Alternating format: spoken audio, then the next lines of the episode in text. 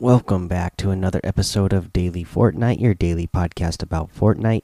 I'm your host, Mikey, aka Mike Daddy, aka Magnificent Mikey. So, I'll give you a little bit of update on that uh, poll that we talked about yesterday that's going on on the Fortnite competitive Twitter account. Uh, hopefully, you guys have been going out there and voting. There's still actually time left. Uh, as of right now, it says there's 11 hours left on this post, but it's looking pretty set in stone uh, for what they are for what the outcome is going to be. Right now, Mr. Savage and Benji Fish have 45% of the vote. Uh, they are leading. Next up is uh, Stomping Dechinkin at 28%, and then Mitro and Mongraal are at 20%, and then we have other at 7%. Now, that's again for me.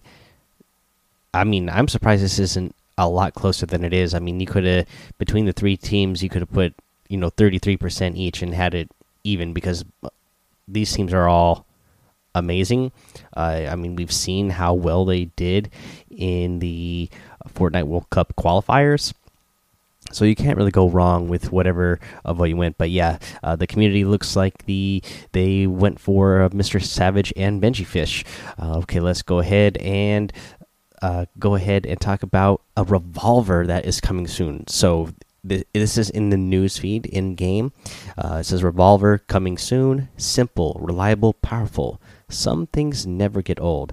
You guys, this is the revolver. We've had the revolver in the game before, but this one looks totally different from what the other revolver looked like when it was in the game. So I'm, you know, like they said, some things never get old. Uh, but you know it's got a brand new look so i'm thinking it's going to have some brand new stats. I can't wait to go over that with you guys whenever that gets added into the game and we get the patch notes for that. Again they've been really inconsistent on uh, what days the patches come out this season, on which day of the week it comes out. Uh, you know, we're still getting one every week, but sometimes it's been Wednesday, sometimes it's been Thursday. I think there was one week where we got one on a Tuesday. I don't know. It's been a little bit inconsistent, but whatever day that we get this, we'll definitely give you the details because even though it is a revolver, it's getting a new look, and I'm guessing it's going to get a new feel to it as well with new stats. So there's that. Another little bit of news I saw was that uh, you know we have that uh, Fortnite Trio Tournament coming up on July 13th and 14th. However, you know, there's not going to be trios added to Arena uh, before that time. Uh, so you're not going to be able to practice in a full on competitive competitive environment, which is too bad. And there's no uh, trios game mode in the game uh, currently. So that's kind of unfortunate. Uh, hopefully, they'll add some trios back in within the next couple of days. That way, everybody has some time to at least uh, practice with their trios together. But uh, you know, in a in a trios setting, but we'll see what happens. Uh, let's go ahead. That's all the news I got. So let's head to a week seven challenge tip. For this week seven challenge tip, I want to cover the challenge where you need to search a chest, a vending machine, and a campfire in a single match. I'm going to tell you the the the easiest location to get this done is going to be in Lonely Lodge because one, you know, there's going to be chests throughout Lonely Lodge. There are uh, four campfires, I believe, three or four campfires that are located in and around the Lonely Lodge area. So there'll be plenty of campfires around there that you can activate. Plus, there will be uh, a a vending machine, a possible chance for a vending machine to uh, spawn in Lonely Lodge. So if it if it spawns there in that match, boom, you got all three things in one easy location to find. If there's not a vending machine that match, your next closest bet is going to be down at the racetrack, the racetrack south of there also has a vending machine that can possibly spawn. Uh, remember, there you know vending machines aren't 100% spawn, so sometimes it's going to be there, sometimes it's not. Uh, that's the hard thing about this challenge is just making sure that everything you know is actually spawned there when you go there to look. Uh, that that might be the hardest part for you. Uh, but uh, for me, Lonely Lodge is the easiest place to get this done. Another, you know, another pretty good spot is over uh, in Snobby Shores because Snobby Shores has a couple of campfires as well. Uh, a possible vending machine there. and of course the chests that are inside there as well. So that those are probably the two best locations because they have multiple campfires uh, multiple chests and then uh, you know you won't even have to leave the location to um, potentially find a vending machine spawn there. So those are the two best places that i would try to get this challenge done if you're getting if you're having a hard time getting this one done. All right that is your week seven challenge tip. We're going to go ahead, take a little break here. When we come back, we'll go over the item shop and our tip of the day. All right, guys, let's go over this item shop today. This item shop is awesome because it is making me feel so sexy. We'll get to that in a moment. We'll go over to the featured section first. In the featured section, we have the Biz outfit still in uh, the shop, which, you know, I'm still loving this outfit for sure the busy wrap, uh, we get the uh, sunflower outfit, which I am a huge fan of and have that one. I got that hayseed outfit. Uh, Bob Dan sixty nine got me that one. Love that one.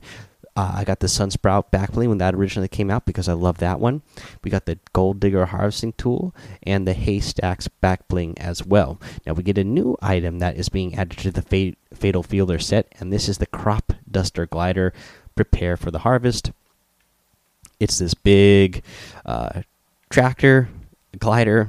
It's kind of loud, uh, so you know, pretty cool. It's reactive too, so the reaction is the when you're moving, it's louder, like the engine is going. When you are not, when you when you slow down and you're just floating down slowly, it it slows down and it's not as loud. There is that.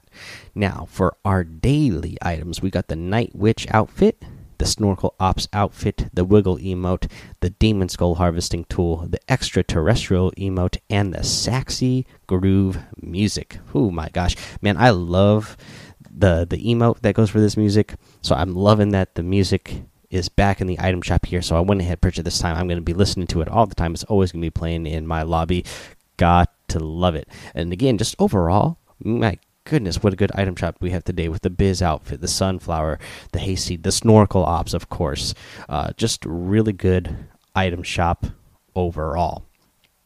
Uh, guys, if you're going to get in the item shop, any of the items in the item shop, I would really appreciate it if you use that creator code Mike Daddy, M M M I K E D A D D Y in the item shop because it does help support the show. Now, for our tip of the day, we talked about this earlier. We talked about trios. We're having a trio tournament coming up. Unfortunately, there's no trios in Arena. Unfortunately, there's not even a trio LTM in the game right now. But if you are wanting to play in that trios tournament, form your trio now. Go find your friends, you know, whichever friends you are you know best work with and start playing together now and get the practice in yeah, there's not a perfect way to practice trios right now, but you three of you can jump in, do a squad with no fill. That way, it's always just three of you, uh, and jump in squads and, and start practicing with each other. And uh, at least this way, you get a feel for how you guys play together, how you're going to gel together, who you know is going to be the shot caller, who who who's better at following lead, who's better at sniping. You know, you're going to find out, you know, so much in the next couple of weeks about your own team so get your team together now.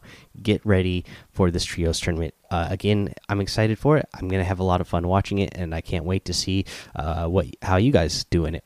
Alrighty, guys, that's gonna be the episode for today. So go join the daily Fortnite Discord. Follow me over on Twitch and YouTube, Mike Daddy in both of those places. Head over to Apple Podcasts, leave a five star rating and a written review for a shout out on the show. Subscribe so you don't miss an episode. And until next time, have fun, be safe, and don't get lost in the storm.